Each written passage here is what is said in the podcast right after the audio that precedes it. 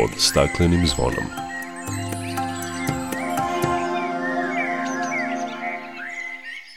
Dobar dan.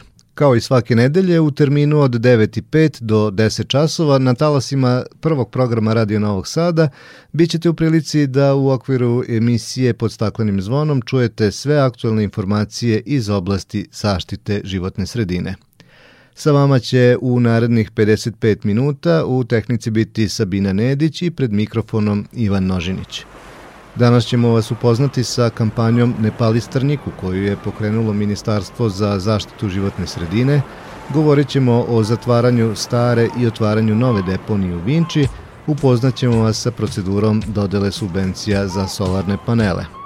Pirot je ovih dana dobio automatsku mernu stanicu za registrovanje podataka o kvalitetu vazduha. Biće reči o izgradnji novih elektrana na biogas u Šapcu, poribljavanju Dunava, akciji Gradske uprave za zaštitu životne sredine pretvorimo kvart u park za zeleni Novi Sad, a najavit ćemo i jednu lepu izložbu likovnih radova na temu klimatskih promena. Dovoljno razloga da ostanete na talasima prvog programa Radio Novog Sada. Dok priroda Za vladarskim svojim tronom. Tužno vele narikače pod staklenim smo zvonom.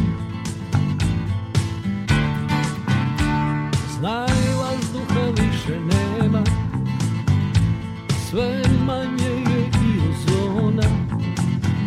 Protiv sebe ide čovek i to često bez pardona Uništenju živog sveta Kao da su ljudi skloni Čovek sam je sebi meta Zbog njega ovo zvono zvoni Uništenju živog sveta Kao da su ljudi skloni Čovek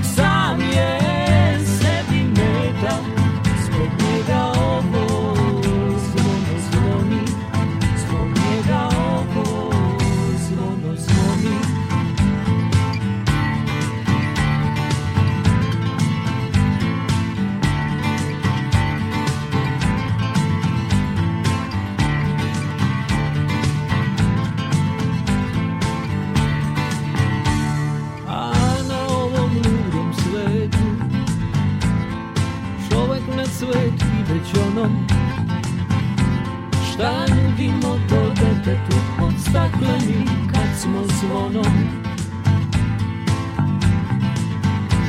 Uništenju živog sveta Kao da su ljudi skloni. Čovek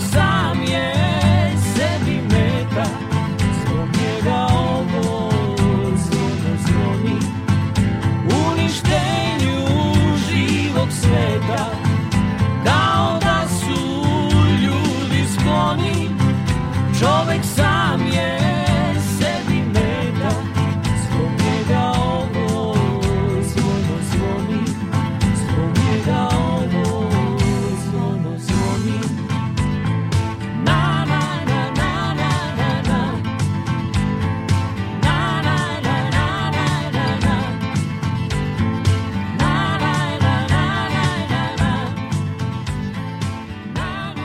Ministarstvo zaštite životne sredine zajedno sa Ministarstvom poljoprivrede, šumarstva i vodoprivrede, Ministarstvom unutrašnjih poslova, Programom Ujedinjenih nacija za razvoj i Globalnim fondom za životnu sredinu GEF pokrenulo je kampanju pod nazivom Ne pali.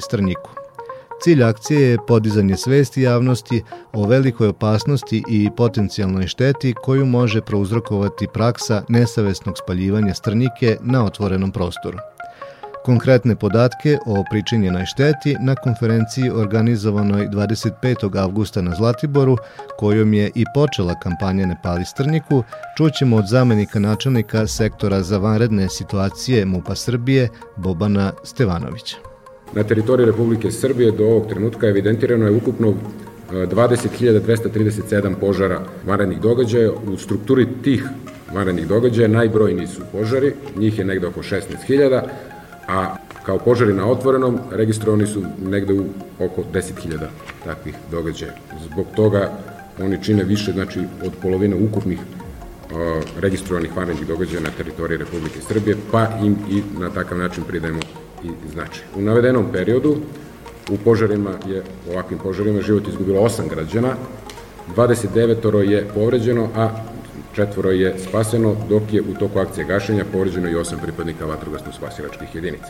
Paljenje žetvenih ostataka na otvorenom davnašnja je agrotehnička mera koju poljoprivrednici protivzakonito pribegavaju kako bi izbegli neophodne troškove, ali umesto ušteda stvaraju veliku opasnost za okolinu, zagađuju životnu sredinu, nanose štetu poljoprivrednom zemljištu i ugrožavaju biodiverzitet.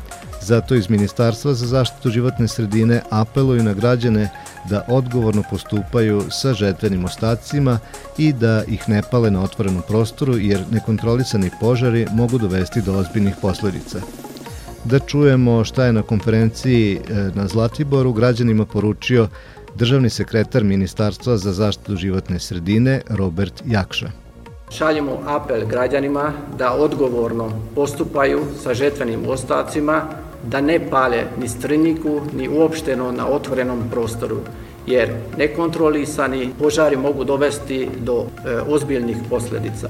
Sa aspekta zaštite životne sredine, neophodno je da istaknemo da paljenje strnike ugrožava biljni i životinski svet i nanosi veliku štetu zemljištu. Državni sekretar istog ministarstva Velimir Stanojević u izlaganju se osvrnuo na konkretne podatke o negativnom uticaju paljenja strnjike na kvalitet zemljišta. Posle žetve pšenice u proseku, u zavisnosti od sorte, od vlažnosti, od plodnosti zemljišta, ostane negde između 3 e, do 7 tona žetvenih ostataka, odnosno slame, a recimo da to negde prosečno oko 5 tona. Samim e, paljenjem tog strništa uništava se jedna ozbiljna biljna masa koja dugoročno će stvoriti plodno zemljište, odnosno e, poboljšati e, sadržaj humusa u zemljištu. Takođe, paljenjem se na duži niz godina smanjuje plodnost, odnosno smanjuje se procenat organske materije, ovaj, odnosno humusa, čak to može biti i do nekih 3 tone humusa E, po hektaru obradivog zemljišta. Spaljivanje žetvenih ostataka na otvorenom je strogo zabranjeno na osnovu više zakona, a za prestanak ovakve izuzetno štetne prakse potrebno je jačanje svesti javnosti i razumevanje da je savesno i odgovorno ponašanje pojedinaca osnov naše bezbednosti i zaštite biodiverziteta Srbije. Direktor sektora za šumarstvo i zaštitu životne sredine javnog preduzeća Srbije šume, Ješa Erčić, naglasio je da je period koji je pred nama onaj kojeg se u ovom preduzeću najviše plaše. Mi u sistemu Srbije šuma imamo dva, da tako kažemo, ključna, kritična perioda, to je kraj, kraj zime i početak proleća kada se intenziviraju poljoprivredni radovi, dakle to je februar, mart, april, kada se po statistici dešavaju 30% od broja šumskih požara koji nemaju tako velike e, ili da tako kažemo katastrofalne razmere, ali drugi, onaj razarajući talas, to su 7. 8. 9. mesec, e, kada je 60% šumskih požara, kada se dešava sa velikim i katastrofalnim posledicama, posledicama ne samo u onim ekonomskim prilikama kao jednom od stuba na čemu se zasniva poslovanje naše firme, nego pre svega na onom ekološkom smislu, jer indirektne štete e, nakon šumskih požara su 5 do 10 puta veće od one ekonomskog gubitka drvne mase, pripreme zemljišta za ponovo pošumljavanje i podizanje novih zasada koje traje više, više decenije. U okviru kampanje Ministarstvo zaštite životne sredine zajedno sa partnerima u narednom periodu organizovaće edukativne skupove u Požarevcu, Valjevu, Bačkoj Topoli, Sremskoj Mitrovici, Nišu, Arilju i Jagodini s obzirom da je prema informacijama dobijenim od strane Ministarstva unutrašnjih poslova i Ministarstva poljoprivrede, šumarstva i vodoprivrede na teritoriji tih lokalnih samouprava tokom prethodnih godina zabeležen veći broj požara na otvorenom. U Srbiji se svake godine zabeleži na stotine požara izazvanih paljenjem strnjike. Paljenje strnjike je strogo zabranjeno, ugrožava živote, nanosi veliku štetu usevima, životnoj sredini i prirodi. Ne pali strnjiku, ne zagađuj životnu sredinu, ne rizikuj živote i imovinu,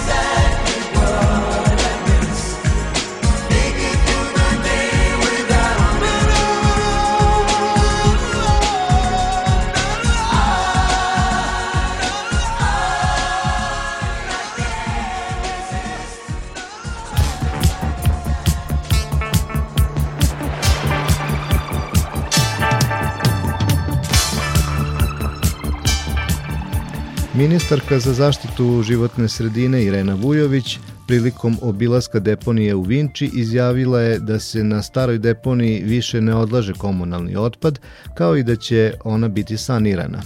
Rok za sanaciju je kraj 2023. godine. Prema rečima ministarke Irene Vujović, nedavni požar koji je izbio na toj lokaciji izazvan je pogrešnim načinom odlaganja otpada. Na staroj deponiji godišnje je odlagano oko 500.000 tona otpada, a ukupna količina smeća nakupljenog tokom 40 godina procenjuje se na oko 20 miliona tona, dok je dubina deponije na nekim mestima veća od 100 metara. Radovi na novoj deponiji teku planiranom dinamikom, a ministarstvo je kompaniji Beočista energija, partneru grada Beograda, izdalo svu potrebnu dokumentaciju. Novim pristupom odlaganja i prerade otpada, deponija u glavnom gradu biće jedna od tehnološki najopremljenijih i najmodernijih u regionu. Direktor preduzeća Beočista energija Vladimir Milovanović izjavio je da su počeli istražni radovi za stabilizaciju velikog klizišta u telu stare deponije u Vinči i da će ta kompanija raditi na oslobađanju akumuliranih voda i gašenju dubinskih požara koji imaju potencijal da se razgore u određenim okolnostima. Milovanović je najavio da posle tih radova počinje prekrivanje različitih slojeva mineralnim materijama.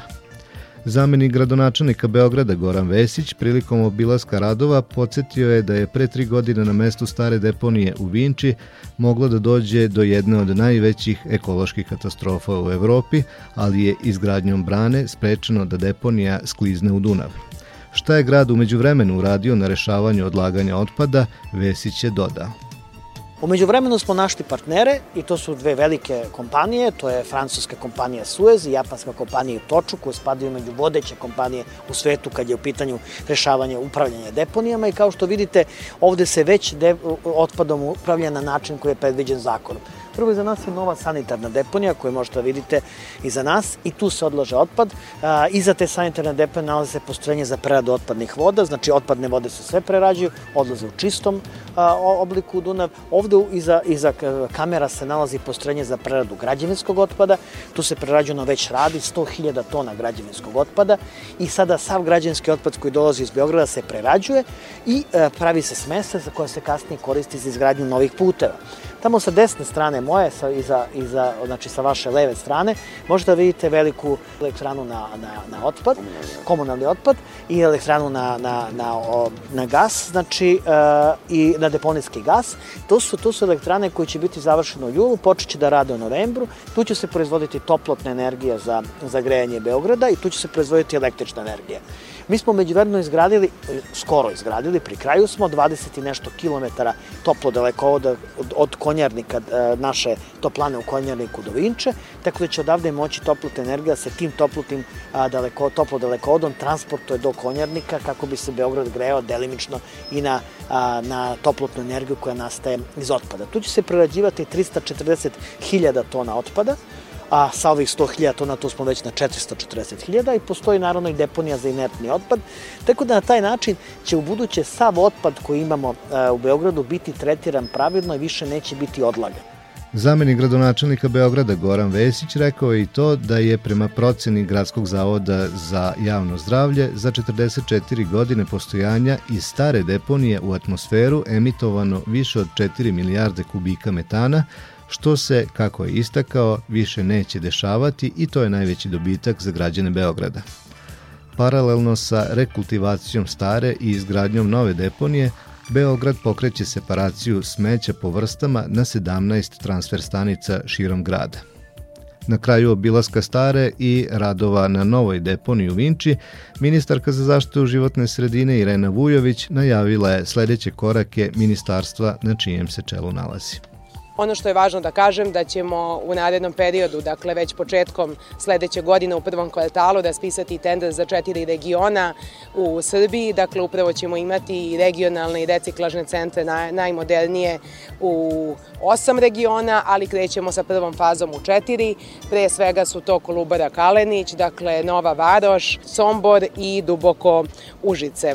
Dakle, očekujemo početak radova sledeće godine. E, svakako ćemo se truditi da učinimo što bolju i čistiju budućnost za sve generacije koje dolaze i moram još jednom da istaknem da ovo što se ovde događa u Vinči i što je grad Beograd uložio napore da sa privatnim partnerom krene u sanaciju ovog višedecenijskog problema Beograđana godina i gde se već vide ozbiljne rezultati će svakako doprineti kvalitetnijem životu svakoga od nas.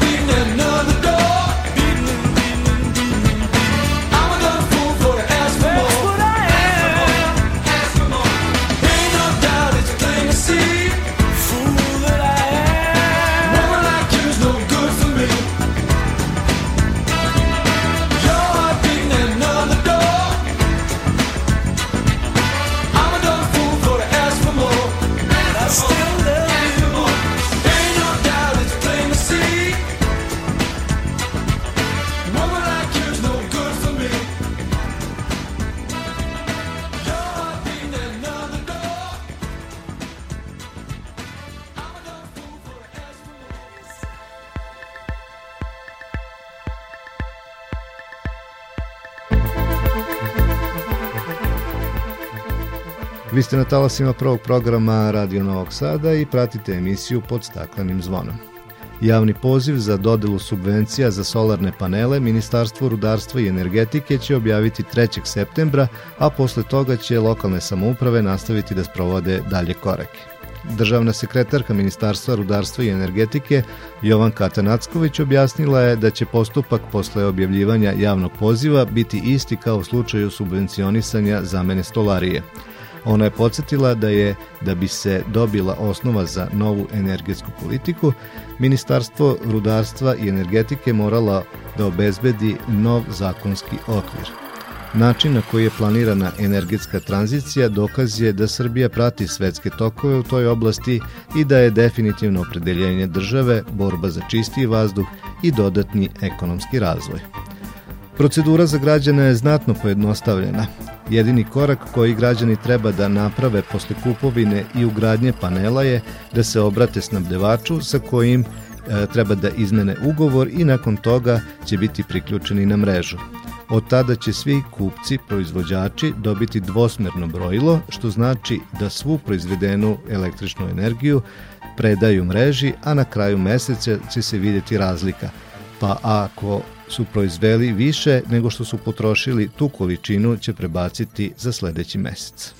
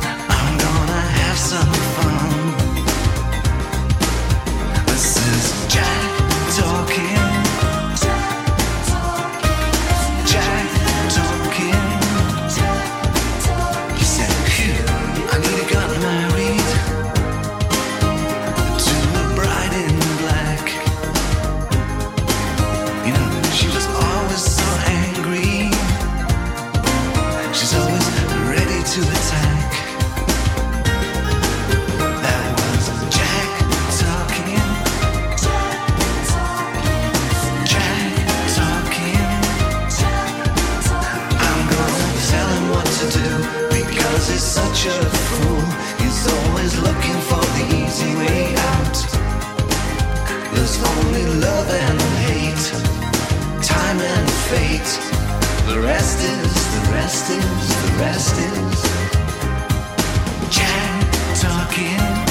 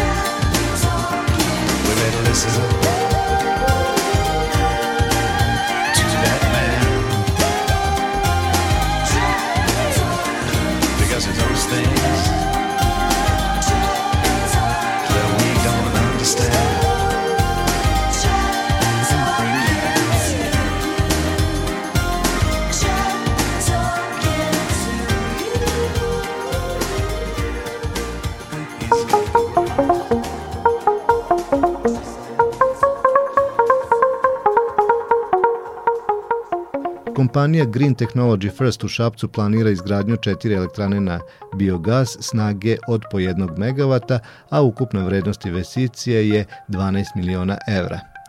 One će biti uključene u sistem elektrosnabdevanja putem EPS-a. Novi biogasni pogoni koristit će agrobiomasu kao osnovnu sirovinu za proizvodnju energije koju kompanija otkupljuje od poljoprivrednih proizvođača na teritoriji Šapca, čime ogromna količina nepotrebnog otpada pronalazi svoju novu svrhu. Agrobiomasa koju čine žetveni ostaci, slama, kukuruzovina, sojina slama, bit će u pogonima iskorišćene za proizvodnju energije. Od kada su elektrane na biogas dobile mogućnost da steknu status povlašćenog proizvođača energije, širom Srbije niču brojni pogoni.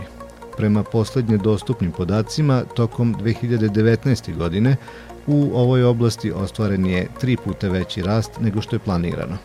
Stručnjaci sa druge strane ističu da je ovakva postrojenja neophodno graditi jer se tako na najbolji mogući način tretira otpad koji nastaje tokom poljoprivredne proizvodnje. U suprotnom, ogromna količina biomase bi završila na nekoj od deponija.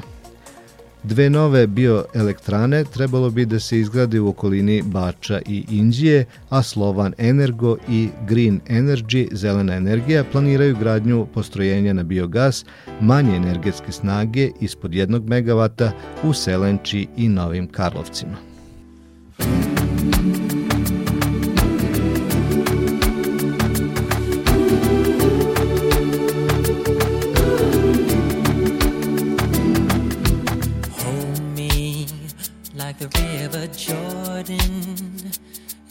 And say to thee, You are my friend. Carry me like you are my brother. Love me like a mother. Will you be there?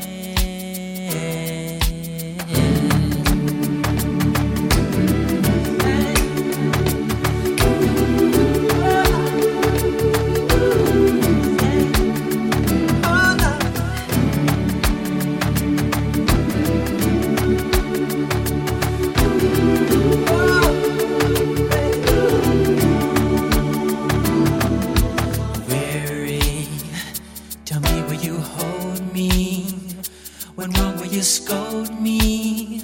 We lost, will you find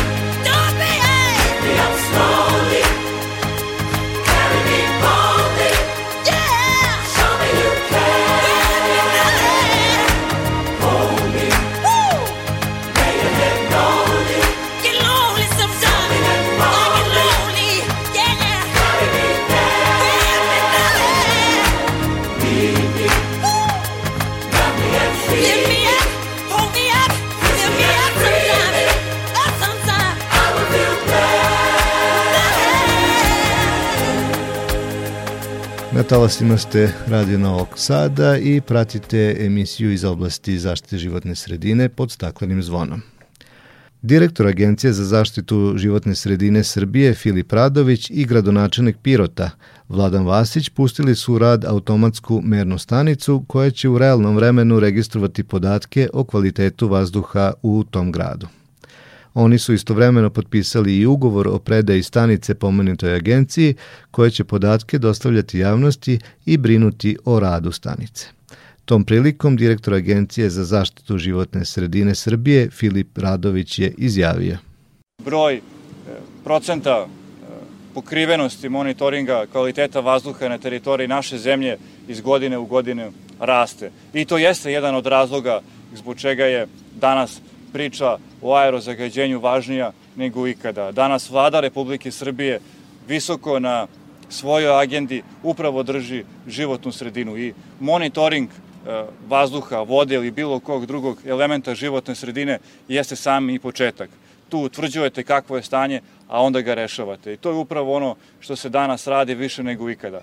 Danas resorna ministarstva, poput našeg ministarstva za zaštitu životne sredine, ulažu velika sredstva kako bi se na lokalu e, uložilo u, e, u nove sisteme za grejanje, kako bi se zamenili stari, energetski e, neefikasni kotlovi, dok sa druge strane i druga ministarstva poput životne sredine, poput energetike, ulažu u zamenu stolare i danas je moguće da svaki građanin aplicira i dobije novu stolariju i time svoj dom učini energetski efikasnim. E, Ova lokacija je izabrana u saradnji e, sa našim ekspertima, ali takođe i sa predstavnicima grada Pirota. Namerno je izabrana lokacija koja ima najveću frekvenciju tamo gde se ljudi šetaju, tamo gde je najveći saobraćaj i upravo tako ćemo dobiti najrelevantnije podatke.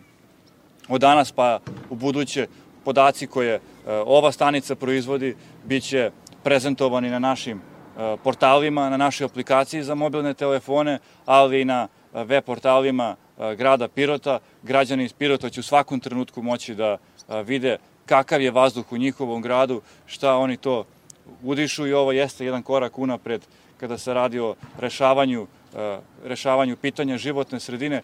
A šta za građane znači ovaj projekat, reći će nam gradonačelnik Pirota Vladan Vasić. Pa evo, mi smo građanima obećali da ćemo jednostavno zajedno sa Agencijom za zaštitu životne sredine omogućiti ljudima da imaju uvid u stanje kvaliteta vazduha i upravo to danas e, ostvarujemo. Dakle, ova automatska stanica za praćenje i merenje kvaliteta vazduha će ljudima omogućiti da u realnom vremenu preko sajta agencije, zamolit ću i vas iz medija da linkujete te podatke na vašim sajtovima, dakle da mogu da u svakom trenutku vide kakvo je stanje kvaliteta vazduha na teritoriji grada Pirota. E, mi se sa druge strane trudimo da taj kvalitet poboljšamo, dakle nećemo ništa da krijemo. Ovde će moći ljudi da vide ono što je najosetljivije, to su PM10 i PM2,5 čestice i sumpor dioksid. Mi smo kao lokalna samouprava uložili negde preko 8,5 miliona dinara i e, Tigar Tires je uložio e, analizator za merenje i ispitivanje stanja sumpor dioksida. Dakle, imat ćemo te najosnovnije parametre. Pored toga tu je i mala meteorološka stanica, imat ćemo u vidu i koliko je temperatura i ostali podaci. I od ovog trenutka Agencija za zaštitu životne sredine preuzima ulogu o održavanju, o sertifikovanju, o tome da su podaci ispravni i verodostojni, a mi ćemo ih koristiti. me up.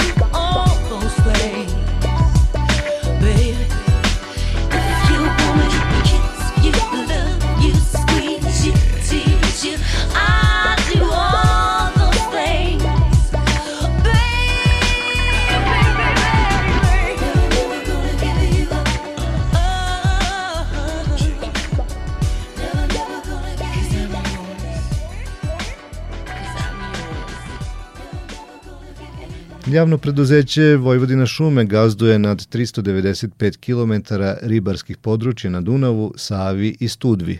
Svake godine oni imaju obavezu da 3,5 tone riblje mlađi ubace u ove reke i na taj način obnove i obogate živi svet u tim rekama.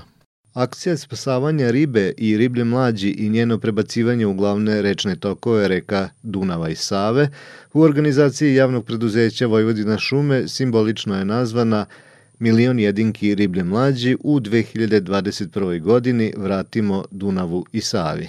Spasavanje je obavljeno na području Obetske bare i Koviljsko-Petrovaradinskog rita. Ovih dana realizovano je spasavanje i prebacivanje dela za ostale riblje mlađi i ostalih jedinki autoktonih vrsta riba iz ocečenih bara Kenderat, Dugaja i Aleksina bara iz Koviljskog dela Rita u glavno korito reke Dunav. Više o ovoj akciji čućemo od direktora javnog preduzeća Vojvodina šume Rolanda Kokaija.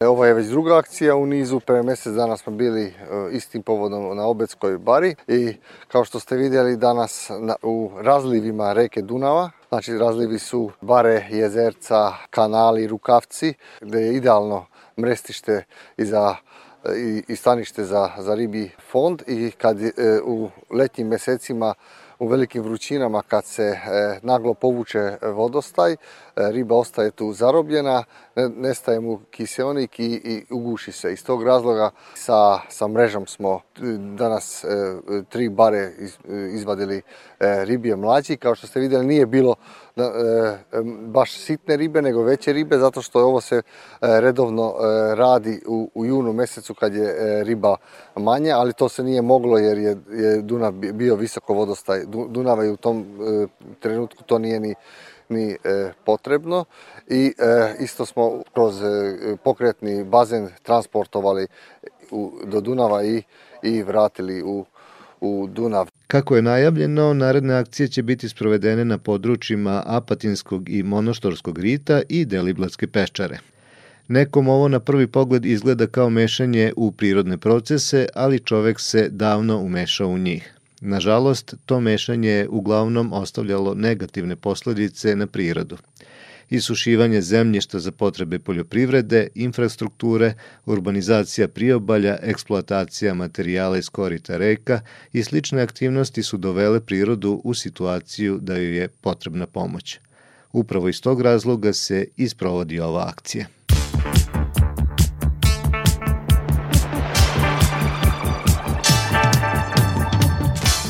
Gradska uprava za zaštitu životne sredine je u okviru programa korišćenja sredstava budžetskog fonda za zaštitu životne sredine grada Novog Sada za ovu godinu između ostalog predvidela sredstva u iznosu od 10 miliona 400 hiljada dinara za učuvanje i unapređenje zelenila malih urbanih celina, a u cilju povećanja zelenih površina na teritoriji grada i podsticanja građana da svoje slobodno vreme posvete aktivnom boravku u zelenom okruženju tokom cele godine.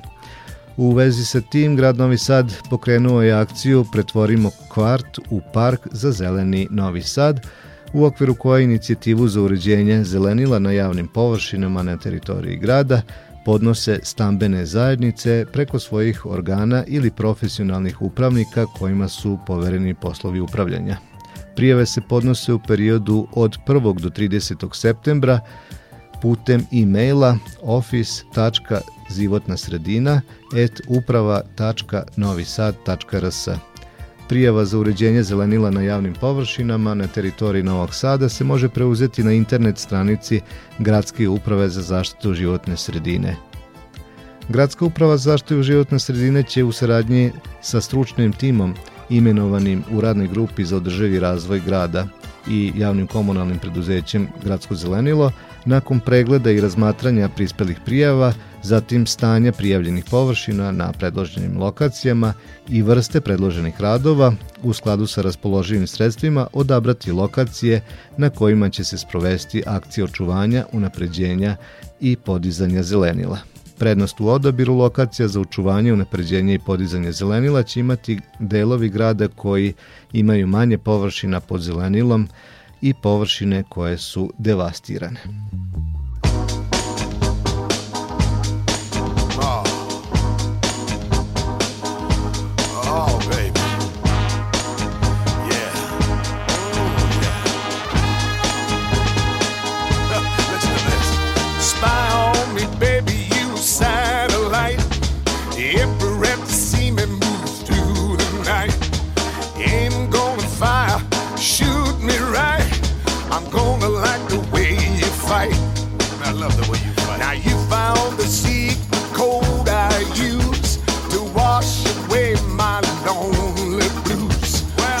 can't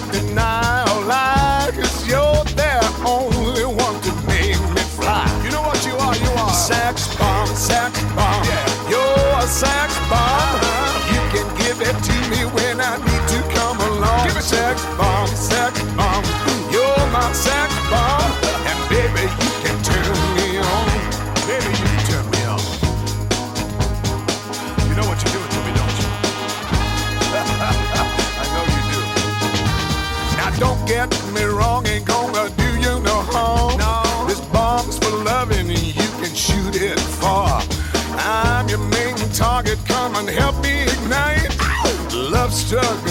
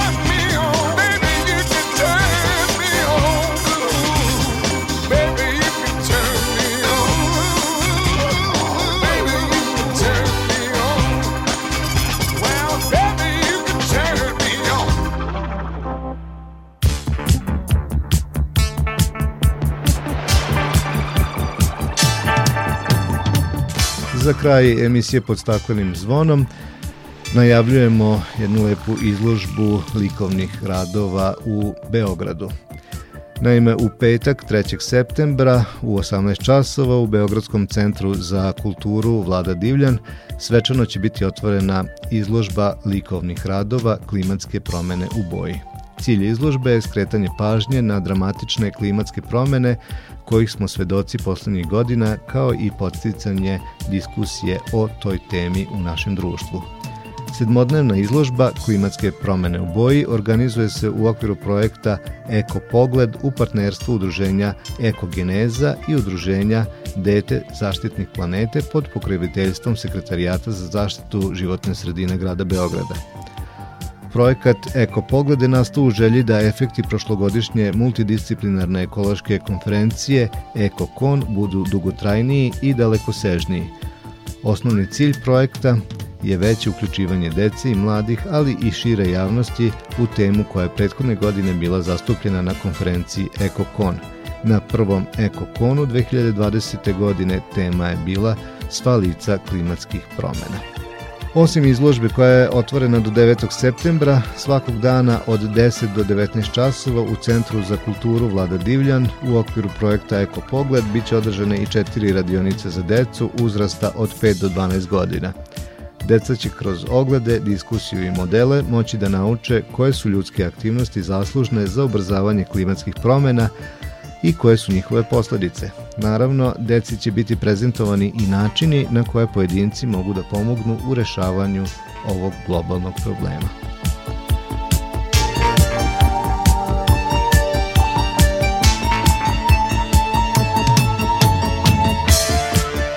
Bilo je ovo sve što smo vam pripremili za danas. E, Sledeće izdanje emisije pod staklenim zvonom možete da pratite naredne nedelje od 9.05 do 10 časova. Pozdravljaju vas Sabina Nedić i Ivan Nožinić.